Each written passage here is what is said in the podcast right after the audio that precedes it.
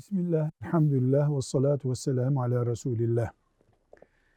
Süt emerek, süt annesi oluşturmak, süt çocuğu, süt kardeşi oluşturmak ciddi bir din meselesidir. Süt buzdolabına koyulsa, soğutulsa, dondurulsa, ne olursa olsun süt olarak çocuğun ağzına 24 ayı doldurmadan önce girdiyse bu süt anneliği için yeterlidir. İlla çocuğun emmesi diye bir şart yoktur. Süt bir kadının sütü müdür? Evet. Bu kadının sütü 24 ayını doldurmamış bir çocuğa içirildi mi? Evet.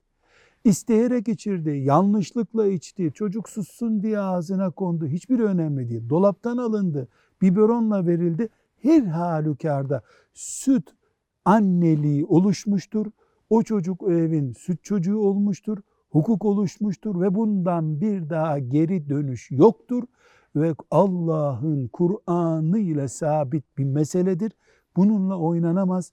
Bu konuda Müslümanlar olarak gayet ciddi durmak zorundayız. Velhamdülillahi Rabbil Alemin.